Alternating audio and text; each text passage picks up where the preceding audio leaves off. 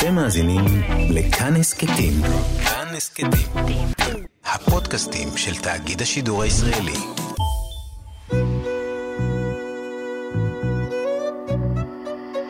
ליסה פרץ משוחחת. שלום לכם מאזינים ומאזינות כאן תרבות.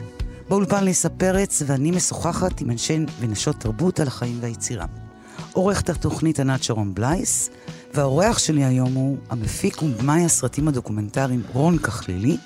בימים אלה משודרת בהוט הסדרה שלו מלחמת היהודים, על יחסי דתיים וחילונים דרך שלושת השבטים של החברה הישראלית, החרדים, הציונות הדתית והמסורתיים, וגם על היחסים שבינם לבין עצמם. שמוביל אותי Yes, לשאלה... המפיק הגדול. המפיק הגדול, שהפיק את, הוליווד. את רוב סרטיו, או את כל סרטיו, נכון? סרטיו. כל סרטיו. אני שואלת את עצמי, ככה שאלה גדולה, אה, גם כשצפיתי, שאלתי את עצמי מה המוטיבציה שלך הייתה להתעסק ביחסי דתיים וחילונים. אה, תראי, אני עושה איזה חיפוש או איזה סוג של מיפוי לחברה הישראלית. ואיך אפשר לעשות מיפוי MRI כמו שצריך, בלי לגעת בשאלה של דת ומדינה. אני חושב שאם אם התעסקתי במזרחים אשכנזים, ואם התעסקתי בשמאל וימין, ואם התעסקתי במרכז ופריפריה, והתעסקתי בעדתיות, והתעסקתי ב, בכל מיני, את יודעת, נושאים של, שהם בליבת הישראליות, אני חושב שלא לגעת בנושא הזה, זה כאילו בלתי אפשרי, זה חלק מהאודיסאה. כל, כלומר, כשאתה מרכיב את האודיסאה, זה חלק מרכזי מתוכה? דת ומדינה, לפ... אני, אני לפעמים שואל את עצמי, למה לא התחלתי עם זה? נכון. כי, כי זה הבסיס. למה לא התחלת? כי דתיים זה, זה, זה, זה הפרימיטיבים האלה, זה, זה, לא, זה לא חשוב.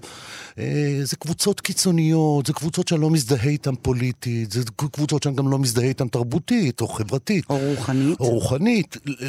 דווקא ברוחנית אולי פה, פה, פה, פה מתחיל המסע.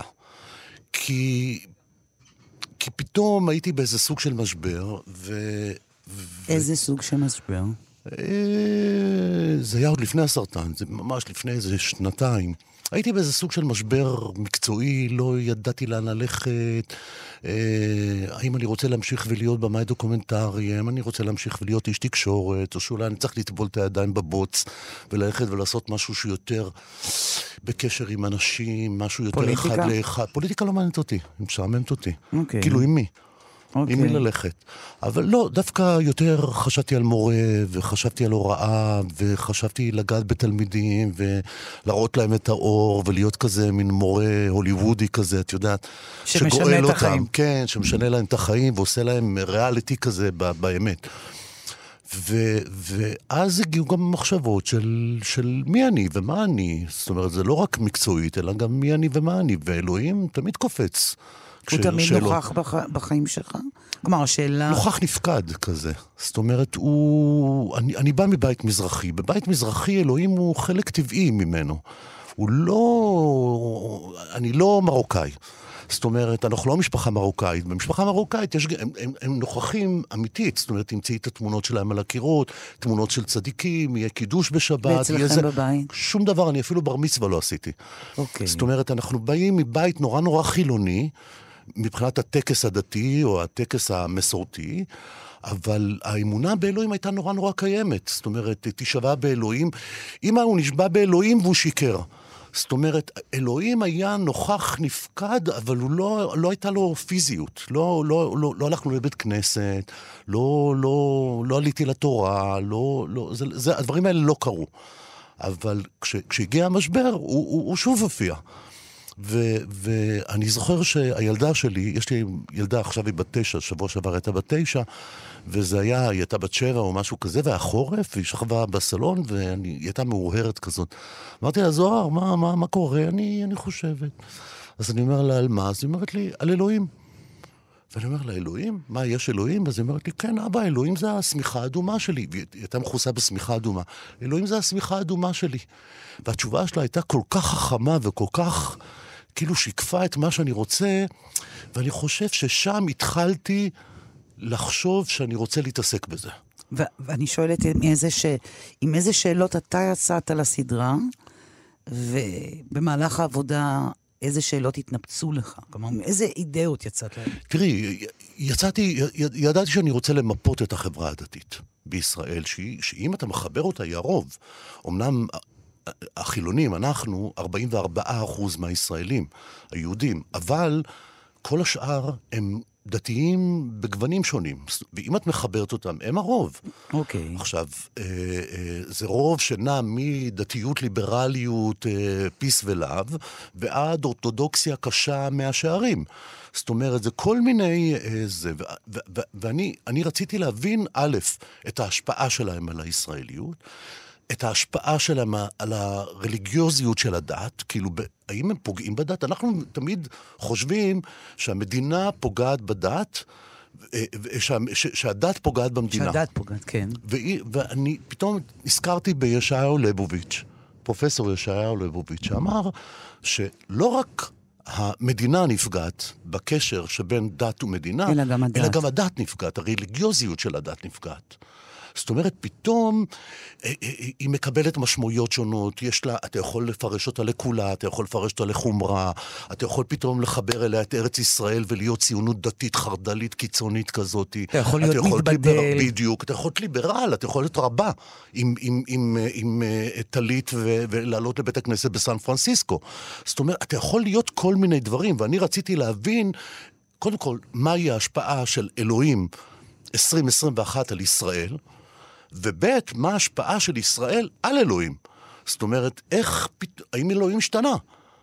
איך הוא משתנה? לאן הוא משתנה? לדרך? ועם זה יצאתי לדרך. ומה נשבר בך בדרך? קודם איזה- כל התחילה הקורונה. לא, מלבד אה, התנאים... מה המצ- נשבר... אה, בך, כלומר, היה לך איזה, נגיד, סתם, אה, דעות קדומות, היו לך רתיעות מסוימות, כן. היו לך כן. אהבות שהכזיבו. לא, תראי, אני, אני תופס את עצמי כשמאל. שמאל, הערך הבסיסי שלו הוא שוויון. קודם כל שוויון, לפני הכל. לפני מדינה ולפני דמוקרטיה ולפני כל דבר. קודם כל זה שוויון. עכשיו, אם אתה איש שמאל, ואתה מבין שיש קבוצה מסוימת, או קבוצות מסוימות, שמקופחות על רקע האמונה שלהם, אז אתה אומר, אוקיי, יש פה איזושהי בעיה. גם אם זה לא נוח לך כאדם ליברלי. אוקיי. זאת אומרת, ואני קודם כל, קודם כל שמאל, לפני שאני ליברלי. אוקיי. אוקיי? זאת אומרת, אוקיי. אז, אז אני קודם כל אומר, אני, אני בודק מי הקבוצות שפחות נהנות משוויון בחברה הישראלית. והדבר הראשון, האצבע ישר מזדקרת לכיוון חרדים. קבוצה הולכת וגדלה של אנשים, שאנחנו לא סופרים אותה, שאנחנו לא רואים אותה. אני גר בתל אביב, אני לא רואה אותה. בשנות ה-70 וה-80 הייתה איזו קבוצה, את יודעת, באחד העם שם, בשנקין. יש שאריות עוד משם, יש כן. עוד שאריות. לפעמים אני רואה אוטובוסים שמביאים אותם, אני כבר לא מבין, כנראה מבני ברק או ממקומות אחרים שהם לא תל אביב כבר. אוקיי. תל אביב היא נדל"ן, היא לעשירים. והם לא יכולים לחיות עם 16 ילדים ואורח החיים המתבדל, אי אפשר כבר לסגור להם את הכבישים, את בר אילן, את זה, את זה, אי אפשר כבר לסגור להם את הדבר הזה. והם נעלמו והתפוגגו. תל אביב היא היום עיר חילונית פר אקסלנס, מקצה לקצה. זאת אומרת, מדי פעם תמצא איזה חרדי מחמד, אבל נקודות הממשק או נקודות המפגש של החילוני, הגוש דני נקרא לו, מול הקבוצות הדתיות, הוא כמעט אפסי, אני- אנחנו לא רואים אותם.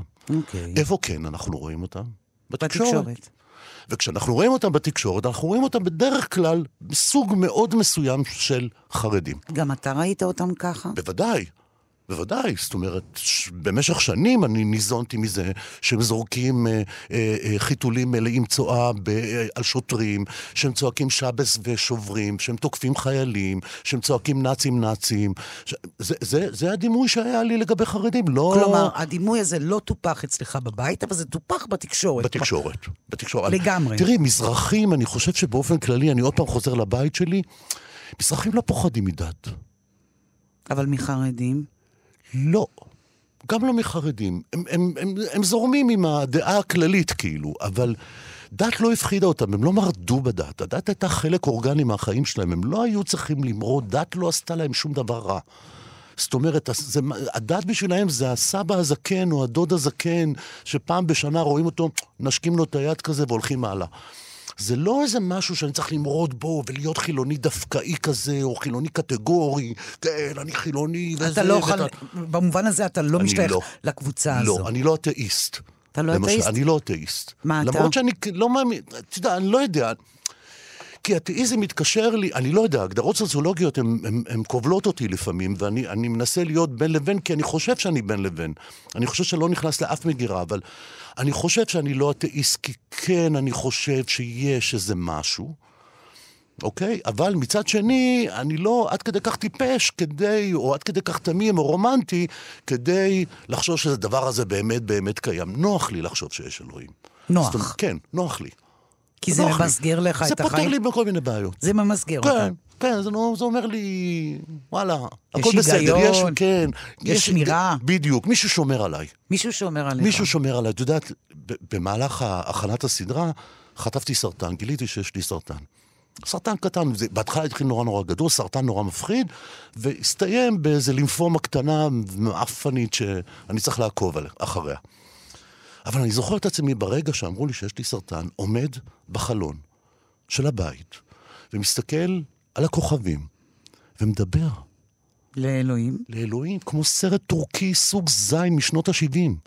אלוהים, מה, אל- תעשה אותי שאני אהיה בריא. שאני אהיה בריא, שהילדים של... לא, הילדים, הילדים הפחידו אותי בטירוף. כאילו, ומה ביקשת מהאלוהים? ש- שהילדים שלי לא יתעצבו יותר מדי, ש- ש- שהם יוכלו לשרוד אחריי. אני הייתי בטוח שאני הולך למות. ו- ו- ו- ופתאום, ברגע הקשה הזה, מצאתי כן את עצמי מדבר, פתאום אלוהים כן היה נוכח. ופתאום, ואמרתי, אוקיי, איפה אלוהים? זה שמיים נורא נורא גדולים וארטילאיים כאלה. איפה אלוהים בדיוק מסתתר? כאילו, אני, אני צריך משהו קונקרטי, אני לא, אני לא עד כדי כך רוחני. ואני מסתכל כאילו, וזה וזה, ואני, ואני בוחר איזה כוכב. אומר, אוקיי, זה היום, זה כמו שהשמיכה האדומה הייתה השמיכה אלוהים, האדומה. בדיוק, כמו שהשמיכה האדומה הייתה אלוהים של זוהר, אז הכוכב הזה יהיה האלוהים שלי. דיברת פעם לאלוהים לפני זה? לא. לא, רק כשעמדת מזה, למות. יותר, רק כשעמדתי למות. יותר מזה, כל פעם שדיברו אל אלוהים, זה נשמע לי כמו סוחטן דמעות, זה נשמע לי כמו מניפולציה, זה נשמע לי כמו משהו מפגר. ושהדתיים שבדקת במהלך הסדרה, כשהם דיברו על אלוהים, זה ריגש אותי. למה? אני בעיקר זוכר את אתי קצבורג, מדברת חרדית, ליטאית, מודרנית, ממודיעין עילית, אה, ש... לא הכרתי, זאת אומרת, יצרתי את הקשר במהלך הסגר הראשון, והתכתבנו בעזרת יומנים מצולמים. מצולמים. ולא ראיתי, לא פגשתי אותה, כאילו, וכל הזמן רק היינו מדברים בטלפון, ואני רוא- רואה אותה, ואני רואה את העולם שלה, ואני רואה מה זה מודיעין עילית, ואני לא, לא הייתי שם, אני לא יכול להיות שם עכשיו, יש סגר. ונגמר הסגר, ואני פוגש אותה, והיא, את יודעת, תמיד יש הבדלים בין הדמות הטלוויזיונית או הדמות הרשתית לבין הדמות הממשית. אתה פתאום מריח ואתה פתאום נוגע, ולא נוגע, היא אישה חרדית, אבל סתם לוחץ יד כזה. מגע כן, אישי. מגע כזה. ואנחנו מתחילים לדבר עם, על אלוהים, ואני פתאום מבין שהאלוהים שלי הוא נורא גדול ודרמטי, והאלוהים שלה הוא נורא קטן ויומיומי. תסביר באיזה אופן. היא פתאום סיפרה לי, אני שאל, דיברתי איתה עם אלוהים, אז היא אמרת לי, ברור שיש אלוהים, הרגע דיברתי איתו. אני אומר לה, על מה דיברתי איתו? כי אני מדבר איתו בשאלות גורליות, של מהותיות של חיים ומוות. והיא אומרת, לא, חיפשתי חנייה, אז דיברתי איתו. עם אלוהים. עם אלוהים, שימצא לה חנייה. אלוהים תמצא לי. אלוהים תמצא לי חנייה, ובום, היא מוצאת חנייה. כלומר, יש אלוהים. זה היה מדהים, זה היה מדהים. זה ריגש כאילו, אותך? זה ריגש אותי, כן. זה, זה, זה... יש אנשים, לא כולם אה, אה, נורא נורא משכילים, ולא כולם נורא נורא רציונליים, ואני לא יודע אם כדאי ו- וכיף להיות כל כך רציונלי וכל כך שכלי וקר והכל כזה, את יודעת, מסודר לקואורדינציות וכאלה. לפעמים כיף שיש נקודות של תמימות, או רומנטיקה, או טשטוש, או וזלין, שאתה יכול לראות מבעדם את המציאות. מי אמר שצריך כל הזמן להתמודד עם המציאות? למה לא למרוח? למה לא לעשן ג'וינט מדי פעם? למה לא להאמין שיש אלוהים? למה לא לשתות כוסית וויסקי ולערפל את החושים ואז להסתכל על המציאות? בעיניי זה כמעט אותו דבר, זה קביים לחיים יותר ממשיים. אנחנו נחזור למה עשה לך המגע עם שלושת השבטים, כי אני, רואה- אני מזהה טרנספורמציה, אבל לפני יש. שנגיע אליה, כן. מבין שלושת השבטים, הציונות הדתית, החרדים והמסורתיים, עם מי באופן פרסונלי הזדהית? אה, מי עד היום אתה לא מבין אותו, מבין שלושתם? זה שתי שאלות שונות. כן. קודם כל, השבט הראשון שהזדהיתי איתו, כמובן, זה השבט המסורתי המזרחי. למרות שמבין מבין שלושת הפרקים הוא הפרק שהוא האחרון. הכי... האחרון. הוא כן. הכי מעציב אותך גם. הוא גם הכי מעציב אותי, כי, כי זה הטרגדיה של המסורתיות. אה, קראתי לפרק הזה מלכודת המסורתיות, ואני כאילו נמצא, אני חושב, בשנתיים, שלוש האחרונות, אני נמצא באיזה סוג, אני כאילו מבין שהמזרחים הגיעו לאיזה מקום יחסית טוב, חזק, בטוח, יציב, ואני יכול לבקר אותם עכשיו. עד לפני שלוש שנים, אם מישהו היה אומר מילה על מזרחים, אני הייתי קופץ עליי עם אימא שלו ומרסק לו את הפרצוף. לא יכול להגיד מילה רעה על מזרחים. הם הקורבן האולטימטיבי. הם המדוכא האולטימטיבי. אתה לא תעז להגיד את זה ולא תעז להצטרף לעדר שמדכא אותם וממשיך לדכא אותם עד עכשיו 2021. אבל איזה רגע שבו אני הבנתי, את יודעת, ראיתי מירי רגב, ראיתי זה, וראיתי כל מיני אנשים שנמצאים בעמדות כוח, ובספורט, ובתרבות, ובמוזיקה, ובתקשורת. פוליטיקה. תקשורת פחות, בפוליטיקה. אתה רואה את כל הייצוגים המזרחיים, ואתה אומר, אוקיי, הגענו למקום מספיק חזק כדי שאני, רון הקטן, אוכל להשמיע את קולי הביקורתי כלפי המזרחים. והוא מה? מה הקול הזה כלפיהם? כפרה הלכתם ימינה. כפרה הלכתם לפשיזם. כפרה בגדתם. בשורשים שלכם. באתם מתוך הערבים, ערבים שמרו לכם על בתי הכנסת, ערבים היו שותפים שלכם. יש לכם את הגן הזה של איך לחיות עם ערבים. ואתם שכחתם אותו. ואתם אומרים היום ערבים החוצה ומוות לערבים. אתם כמו אחרוני הבסטיונר הכי מגעילים. מה קרה? מה קרה? איפה, מה, מה זה כפיות הטובה הזו? מה זה המרד בדבר המתון והמקסים הזה? יש לכם את מובנה. המפתח, כן, יש לכם, את, יש לכם את המפתח לחיים המשותפים פה. בחיי, יש לי את המפתח. כשאני רואה ערבי, לעומת האירופאי האשכנזי, כשאני רואה ערבי אני לא נגעל ואני לא, ואני לא נבהל ואני לא... לא קורה לי מה שקרה לבן גוריון כשהוא ירד בנמל יפו לראשונה ופגש ערבים על גמלים. לא קורה לי את הדבר הזה, אין לי. זה לא אוריינטלי בשבילי, וזה לא עולם רחוק, וזה לא אלף לילה ולילה, וזה גם לא ג'ונגל. בשבילי זה בית. אני ירדתי במצרים, בקהיר, לפני 30-40 שנה, לראשונה בחיי, ואני הגעתי הביתה. אני הגעתי הביתה, כולם דיברו איתי בערבית. גם הם הרגישו שאני הגעתי הביתה. הם דיברו איתי בערבית, ואני הולך עם הגיל, ואני איך נראה, נראה הכי לא הכי מערבי. והם דיברו איתי בערבית, הם זיהו משהו שקורה לי. זאת אומרת, יש לנו את הדבר הזה. ואת זה הבאת, את כל הביקורת הזאת, בתוך הפרק הזה? כן, כן, כי תראי, מצד אחד אני נותן להם את הכבוד שלהם.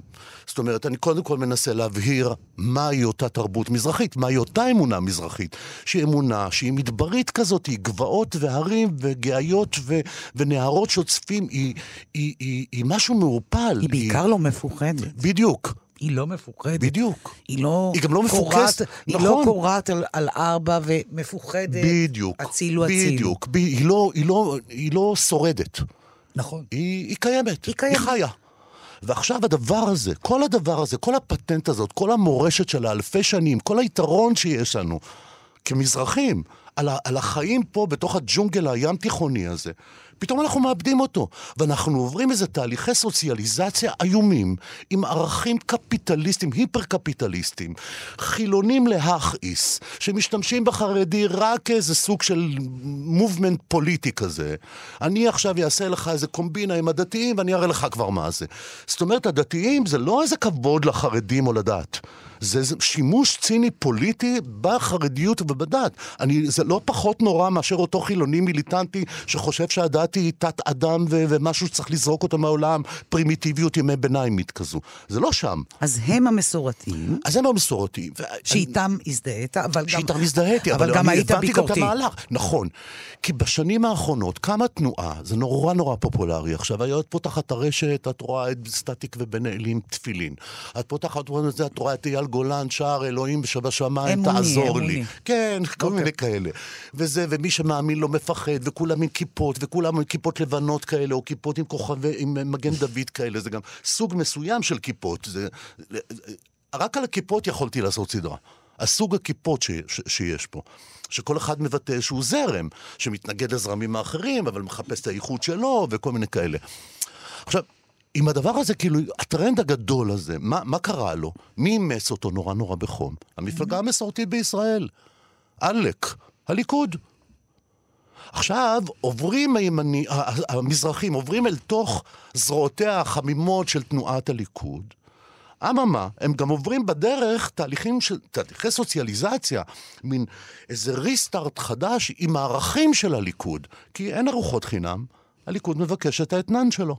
הוא מבקש את התשלום, אני הכנסתי אותך, נתתי לך בית, נתתי לך שם, נתתי לך כבוד, נתתי לך בית, תשלם. מה, במה לשלם? תאמין שקפיטליזם הוא הפתרון הטוב לישראל, ששנאת ערבים היא הדבר שיציל את ישראל. תאמין בערכים שלי. אתה מאמין שבעצם זה היה איזה סחר ביניהם? ברור, זה לא סחר ש, ש, לא, שנשמע. סחר, אתה יודע. ברור. תראי, עובדה בסיסית, גדולה, חזקה. בשנות ה-50, בחירות ראשונות, שניות, שלישיות, למעלה מ-90% מהמזרחים מצביעים למפלגות השמאל. עכשיו יגידו לי, כן, זה בכפייה, אבל... פנקס אדום, בלה בלה בלה, זה... אבל הם הצביעו, אה, בן גוריון היה מלך. אין שכונה מזרחית שכל הילדים בשכונה נקראו דוד או הרצל. אין שכונה מזרחית כזאת, חצי מהילדים דוד, יודע, חצי את, מהילדים הרצל. את התיאוריה הזאת אפשר גם להפוך, נכון, להגיד, נכון, אוקיי, מה? זה בכפייה. זה, זה לא, אבל הם בחרו את השמות של הילדים שלהם. הם בחרו את השמות של הילדים. אתה לא בוחר שם של ילד בכפייה. אני זוכר את זה מהמשפחה שלי, בן גוריון היה מלך. לקח למזרחים המון המון שנים להתנער בכלל מהמחשבה מה, מה, מה שהוא גאל אותם. הוא גאל אותם, הוא הביא אותם מהגלות אל ארץ ישראל שלהם. ואז הדבר הזה ב- ב- עכשיו, בתהליך זוחל. והיום את מסתכלת, למעלה מחצי מהמזרחים, שליש מצביעים לליכוד, ולמעלה מחצי, כל השאר מצביעים ל- ל- ל- לימין. כשאני מסתובב בחוגי השמאל, שהולכים ונעשים יותר ויותר לבנים ויותר ויותר בורגניים עם השנים, לא לומדים לקח בשיט. כשאני מסתובב, אני לא רואה מזרחים כמוני. אני רואה פה ושם משתכנזים שגם בזכוכית מגדלת אתה לא תמצא שהם, אה, זה, שהם מזרחים. אתה רואה, יש פה ושם, כמובן, אנחנו ענקים, אנחנו חצי מאוכלוסיית ישראל, אז תמצא גם בשמאל מספר נורא קטן, אבל זה נורא קטן, זה הולך וקטן. אנחנו היינו, אתה יודע, סמי מיכאל מספר לי שבעליית עזרא, אה, נחמיה, עזרא ונחמיה, עזרא ונחמיה, 51, עולים 120 אלף יהודים עיראקים עולים לישראל במבצע של כמה, שבועיים, שלושה, לא יודע.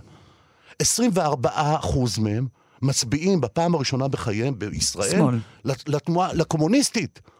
כי זה, מגיע, כי זה מגיע עוד בדיוק, ממדינת האם בדיוק, שלהם. בדיוק, בדיוק. אנחנו הגענו, מ, אני, ההורים שלי מגיעים מקהיר. בקהיר היו כמה תנועות קומוניסטיות. נכון. ב, ב, ב, ב, לדעתי בבגדד היו שש או שמונה תנועות קומוניסטיות שונות, שבכולן גם היו מעורבים יהודים. הקימו אותה, ניסחו אותה, כתבו עליה, רצו אותה, הלכו ברחובות בשבילה, אבל הם היו חלק מהדבר, הם היו שמאל. הם תמיד היו שמאל. אז איפה הקלקול? כי מה, הציעו לך בית? אני אגיד לך. אה, סליחה, בית זה, זה לא מעט. לא, זאת אומרת, זה נדל"ן? ברור. זה, זה נדל"ן לא לכל החיים? אני חושב, ש, אני חושב שהמהפך של 77 בעצם מסמל את נקודת השבר של המזרחים עם השמאל הישראלי, או כפי שהוא נתפס. הם עוברים בהמוניהם, הם משנים את תוצאות הבחירות ואת גורלה של ישראל לנצח. והם גם נוקמים את נקמתם במפאי ההיסטורית שדי אה. שגם היא הלכה. בדיוק. לא, היא הולכת עכשיו. לא, היא כבר אז הלכה כן, והתנתקה. כן, כן, כן, היא משנה את פניה, והיא הופכת למערך, ואחרי זה הופכת לעבודה, וכל מיני כאלה. אבל יש איזה משחק מאוד קשה, עם הרבה, עם הרבה רוע, עם הרבה דם רע בתוך, ב, ב, ב, בין ה, מה שנקרא השמאל הישראלי, והיום הוא נקרא, אה, אה, נניח נקרא לו מרכז, לבין המזרחים. המזרחים לא סלחו להם עדיין. כי השמאל הישראלי, או המרכז הישראלי, השמאל מרכז, אני כבר לא יודע איך לקרוא להם, הממלכתיים לשעבר, הוא עדיין לא מבין שהוא עשה טעות. הוא מוכן אולי לקבל, רק אם תלחצי את הגב שלו לקיר, הוא יגיד לה, כן, אני יודע, היה פעם במעברות, בשנות החמישים, היה איזה עניין, זרקו עליהם DDT.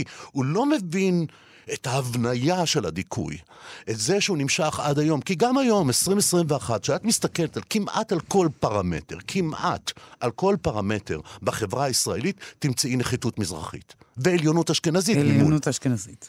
זאת אומרת, תמיד תמצאי את הפער הזה בהשכלה, בכסף, כמעט בכל דבר שאת נוגעת בו. עכשיו, יש פרמטרים שזה מצטמצם, אוקיי? אבל יש פרמטרים שזה גם הולך ומתרחב. איפה? עיירות הפיתוח, למשל. אני מסתכל עד היום, 2021, יש כ-20 עיירות פיתוח בישראל, אוקיי?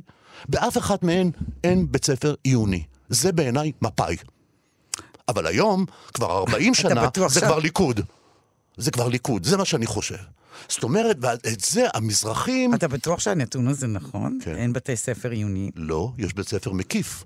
מקיף. כן. עם מגמה עיונית קטנה, שהשוט הראשון שאתה מקבל כתלמיד, במידה ואתה נכשל באחד הציונים, אתה יורד לנגרות. ואז זה בדרך כלל גם מגמות שהולכות ומצטמצמות לקראת הדבר הזה. וכולם, מה זה תעודת בגרות?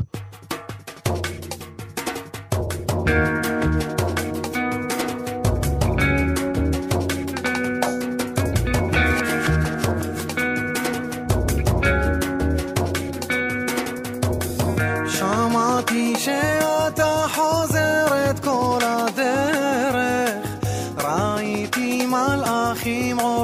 שולחן לבן המלך גם ראיתי סולם געגועים יורדים ועולים שמעתי רוחות שמלטפות את העלים ראיתי אותך זה לא חזיון תעתועים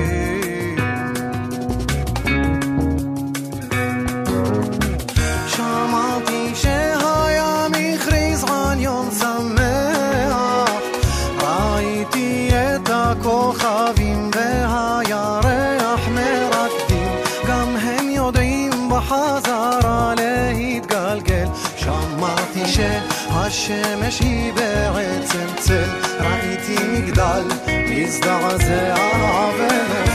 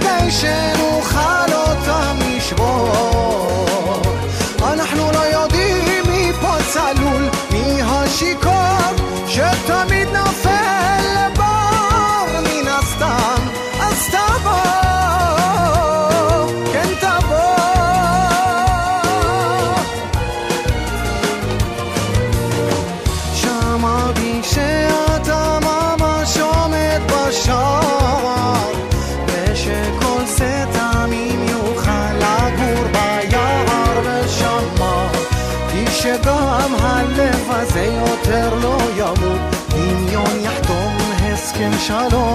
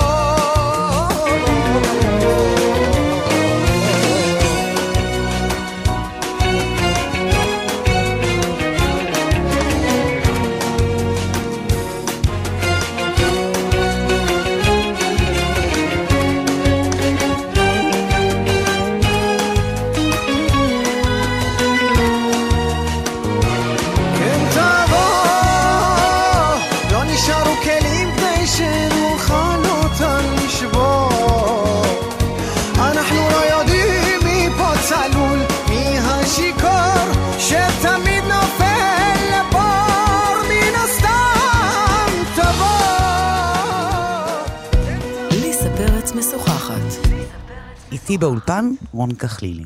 אחרי שלושת הפרקים שעשית, כן, אמרת לי עם מי הזדהית, עם המסורתיים, והסברת גם למה. כן.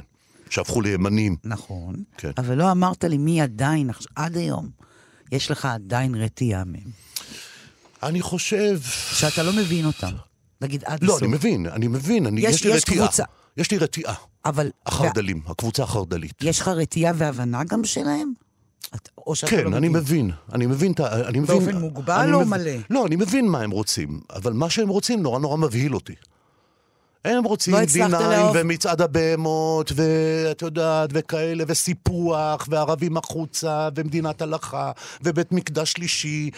כל החלומות שלהם, שהם יושבים עם עיניים זור, זורחות מולך, ומספרים לך את החלומות שלהם, מבהילים אותך, כי את מבינה שזה גוג ומגוג.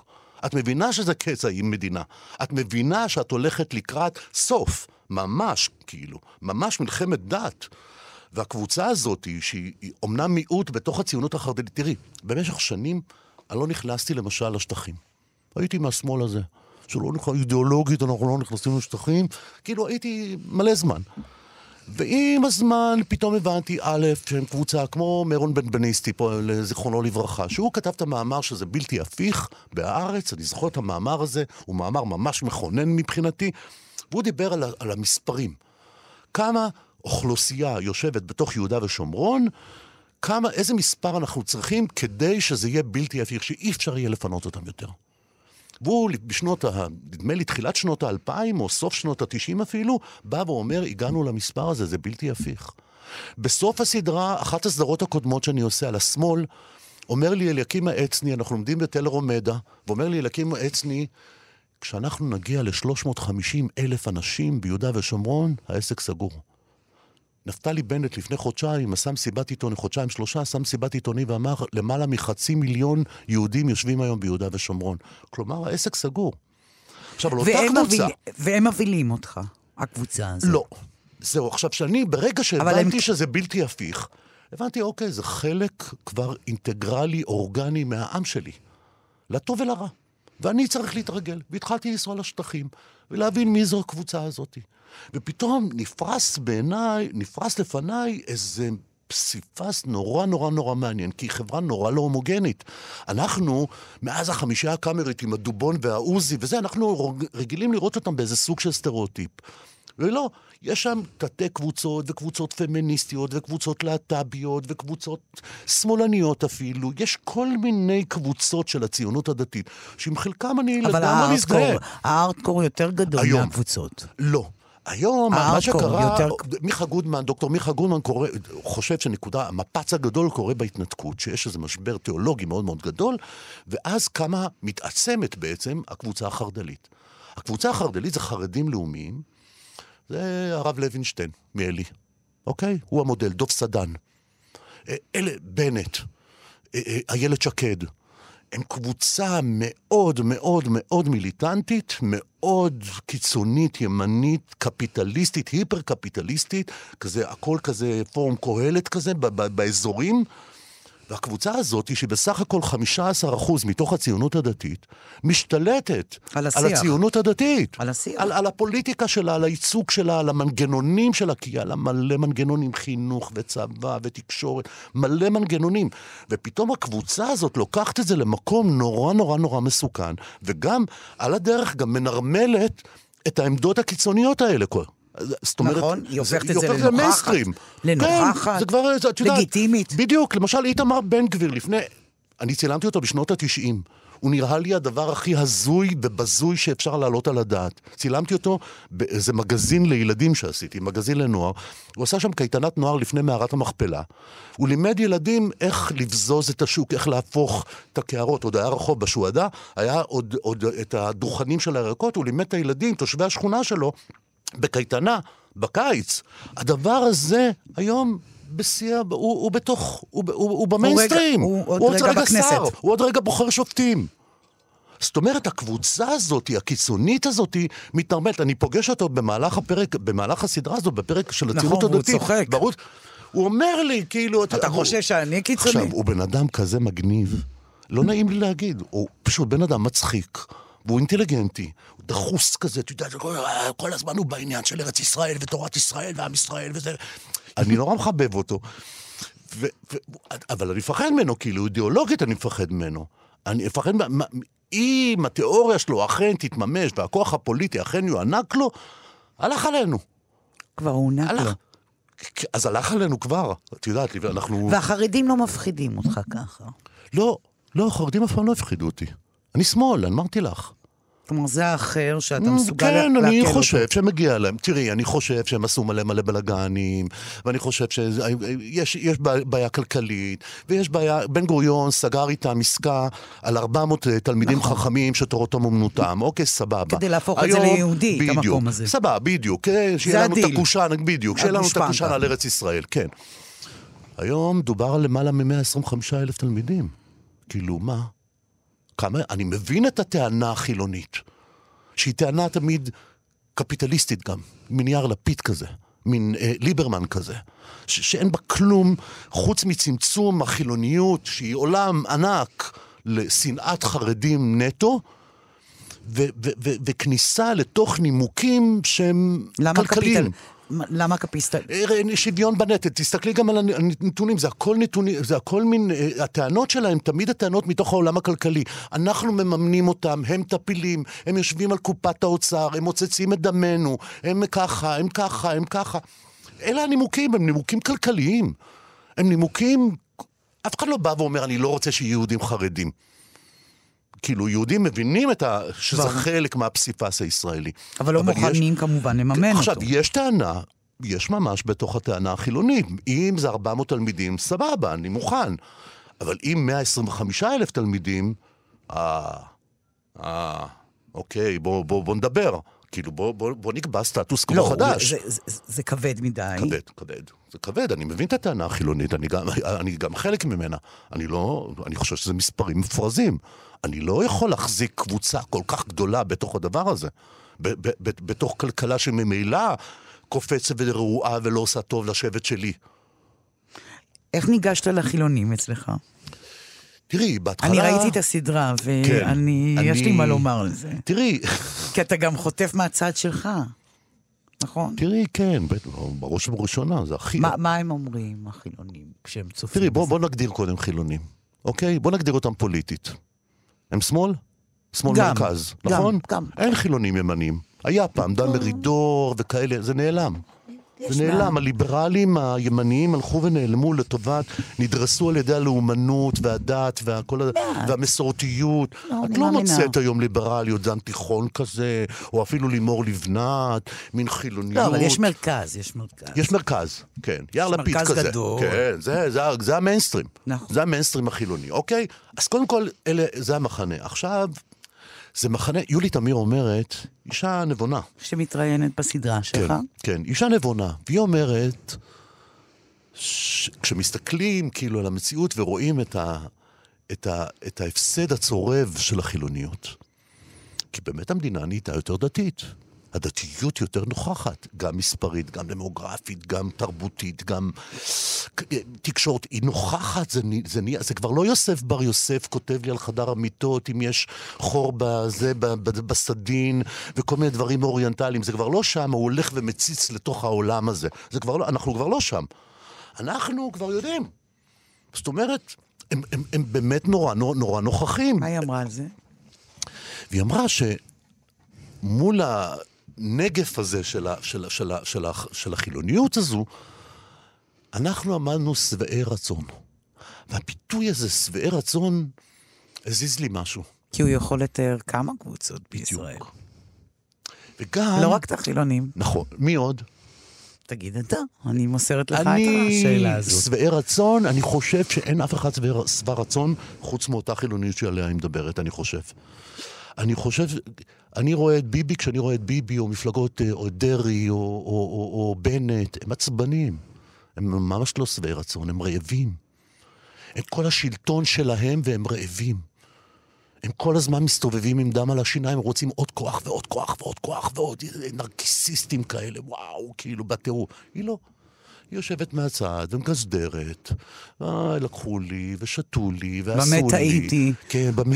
במה טעיתי? לאן? השאלה לאן. לאן מפה? לאן מפה? לאן, באמת? לשום מקום. שאלה, ברלין. ברלין, ואומר יורם הרפז, פרופסור יורם הרפז, שכל הטרנד הזה של השמות של הילדים, ליה, אה, נטלי ושון וזה וזה, זה הכנה מודעת או לא מודעת לירידה מהארץ. זאת אומרת, הם ממש רואים אתה יודע, מדבריך. קנוניה. הם ממש רואים קנוניה. כן, אבל מדבריך עולה ש... שהייצוג של אותה, אותה סוג של חילוניות בסדרה שלך, כן. כמעט הופכת להיות קומית. היא קומית. יש לה היבטים קומיים. מסכים איתך. אנחנו כבר חמש כמעט דקות... פרודיה. זה כמעט פרודיה. אין לך כן. רחמים? אם, היית, עושה- אם, אם היינו רואים את זה היום אה, בארץ נהדרת, זה היה נראה אותו, זה כמעט אותו טקסט. נכון. ולא נכון? ריחמת קצת. כן. כן. כי זה בכל זאת חלק ממני, גם אני חילוני. אני רוצה שהחילונים ינצחו, ואני חושב שגם החילונים ינצחו. אבל חילוניות אחרת, זה לא חילוניות של... איזה חילוניות אחרת תנצח? שלא מפחדת מהדת. כמו ולא מי? מפחדת מהדתיים, אין כאלה. חילוניות שאינה פוחדת מהדת. כן. ויש לך... יש. כאן- היא פלורליסטית מספיק כדי להכיל גם את הדבר כמוני. זה אפשרי? כן, אני לא מפחד מדת. אני לא רואה בדת כמו פרופסור נמרוד אלוני, אה, אה, שמצטט את שפינוזה, שאומר שהם נחותים מהחיה ונחותים מהאדם, והם אנשים בזויים והזויים, עם סמטאות נפשיות ורוע וכל מיני כאלה. אני לא רואה. אני, אני, אין לי דמוניזציה של החרדי. חרדי, אמרתי לך, אלוהים חלק אינטגרלי טבעי מחיי, לא פוחד ממנו. אני מבין אותו, הכל בפרופורציות, אני לא מפחד ממנו, אני, אני מדבר איתו לעיתים נדירות, דיברתי איתו פעם אחת, נשאר בקשר, אבל אה, אה, אני לא מפחד מדי, ואני חושב שדווקא החילוניות, תראי, העולם הולך לכסף, ניאו-ליברליות היא חילון. ניאו-ליברליות היא נכון, חילון, זה תהליך נורא נורא עמוק, אומר את זה גיא בן פורת כאילו בפרק הראשון, זה תהליך של חילון. ישראל יותר חילונית מאשר היא הייתה כשאנחנו היינו ילדים. הרבה יותר חילונית. יש יותר תחבורה בשבת, ויותר קבורה אה, חילונית, חילונית. ופחות ברית פחות מילה, נישואים, ופחות אה, נישואים. דתיים. ו- בדיוק, אנחנו במדינה הרבה הרבה יותר חילונית. שבת זה לא תשעה באב, ואת יודעת, זה לא יום כיפור. ועדיין איך אתה מסביר את התחושה של, ה... של הדתה. של הדתה? כן, כל העם נבהלים. כי יש הדתה. מה? כי יש הדתה. אומר פרופסור גיא בן פורת, ואומר את זה בצדק, העולם הוא לא ליניארי. תהליכים קורים במקביל. יש גם תהליך הדתה, ויש גם תהליך של חילון, במקביל. ולכן, זה, זה, נורא, זה נורא מעניין. נכון, ולכן ש- אתה טוען שבסוף שני הקווים המקבילים האלה אולי ייפגשו.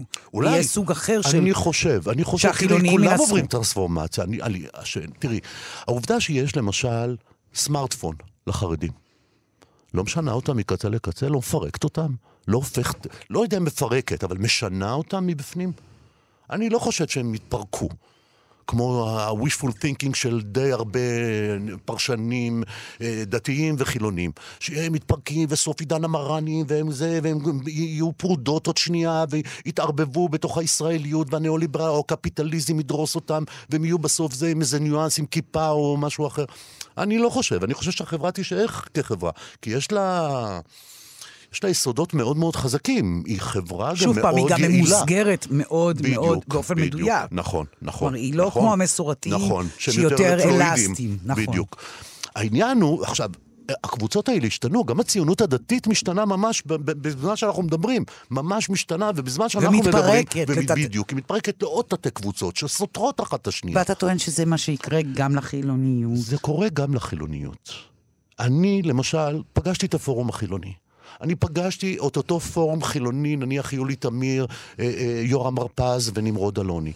אני לא חילוני כמוהם. למרות שאני מזדהה עם חלקים גדולים ממה שהם אומרים. אני בוודאי לא חילוני כמו הפורום החילוני. שיושבים ומדקדקים, ואם מותר להכניס חמץ לבסיס או לא זה, ואם החיילת הזאת היא ככה והחייל ההוא ככה. אין לי סבלנות לזה, זה נראה לי קטנוני ונראה לי מכולת. אוקיי? למרות שאני מבין את החשיבות של, ה, של המהלך הזה. אני מבין שצריך לשבת על, על הזנב של ההדתה ולתפוס אותו כל הזמן על חם. אני מבין את זה, אני חושב שהם עושים עבודה קדושה מבחינת המחנה החילוני. אבל זו לא החילוניות שלי. לא, מפחיד אותי. אין אדם חילוני שאתה מזדהה שהוא המודל איתו? שלי? כן. אני לא חילוני כמו הסמלים החילוניים. לא, אני מזרחי. עוד פעם נכנס הפקטור הזה.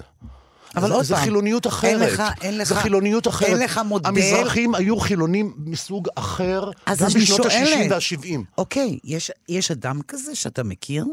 מה? שהוא חילוני כמוך? כן. מה, מלא, אינטלקטואלים מזרחים? בטח. יהודה שנהב, סמי שלום שטרית, בוודאי. מה, כל אלה, כל הגווארדיה, נניח נקרא לזה הקשת הדמוקרטית המזרחית? לגמרי, לגמרי אני. זה חילוניות אחרת, היא לא חילוניות לעומתית.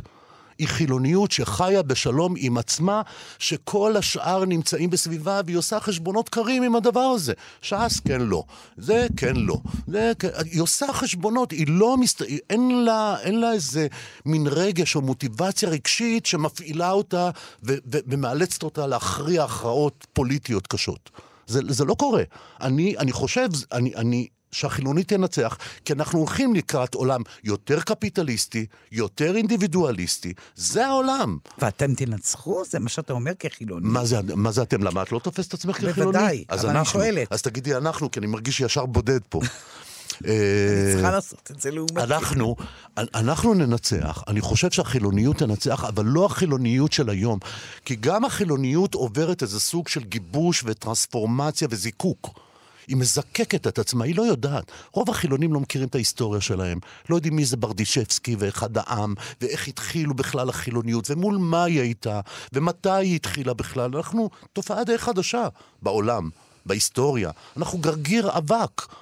אנחנו עדיין מגבשים את הדבר הזה. אז אני יודע להגיד, כן, החילוניות היא, היא תרבות, והיא מדע, והיא רפואה, והיא טכנולוגיה, והיא היא כל הדברים שאנחנו נהנים מהם. אבל זה, זה לא מספיק. לא מספיק לאדם שיושב עם עצמו ומחטט בעצמו ורוצה להגיע לתובנות עם עצמו, להגיד לי שסמארטפון זה חילוניות. או לנסוע במטוס אה, אה, אה, משוכלל זה חילוניות, כי זה לא. כי זה חילוניות- סממן. בדיוק. זה משהו יותר עמוק. זה באמת משהו יותר עמוק שאני לא מצליח ולא הצלחתי במהלך כל המסע הזה לקבל תשובה שתספק את הסקרנות האינטלקטואלית שלי.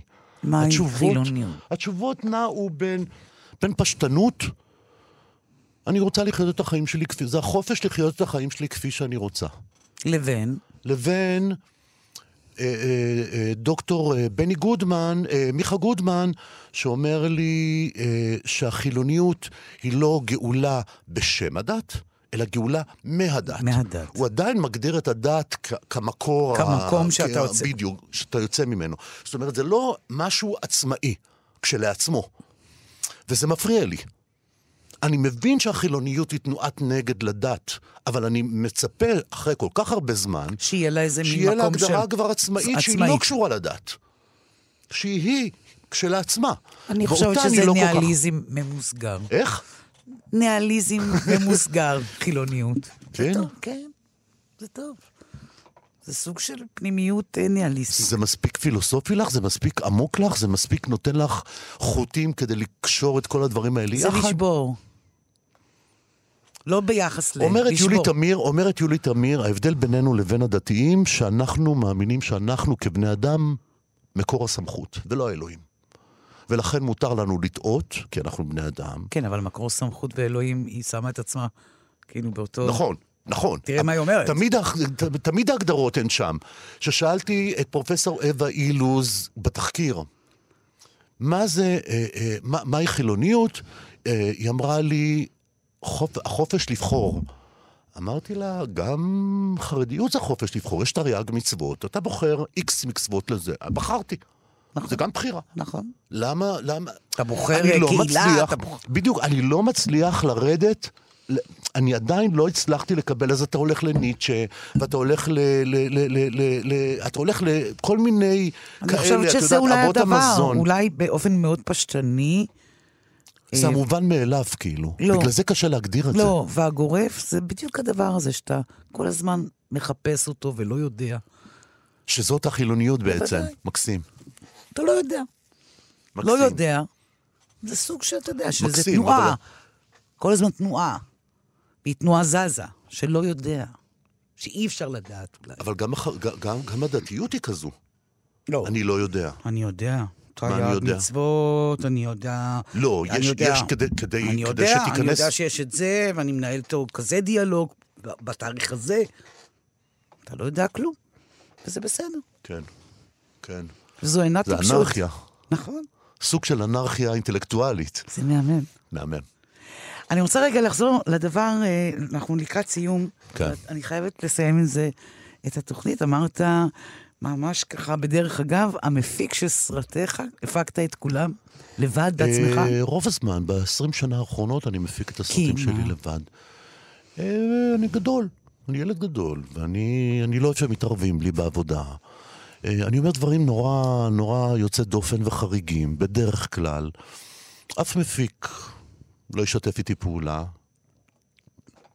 כי- הדעות שלי שונות. אני לא מוצא אה, קהילה. קהילה, כן, אני, אני קצת... אתה לא קהילה? אתה לא בתוך אני, קהילה? אני הקהילה. אני הקהילה. את רואה את אני הקהילה עכשיו. הסמכות. אני הסמכות. אני הקהילה.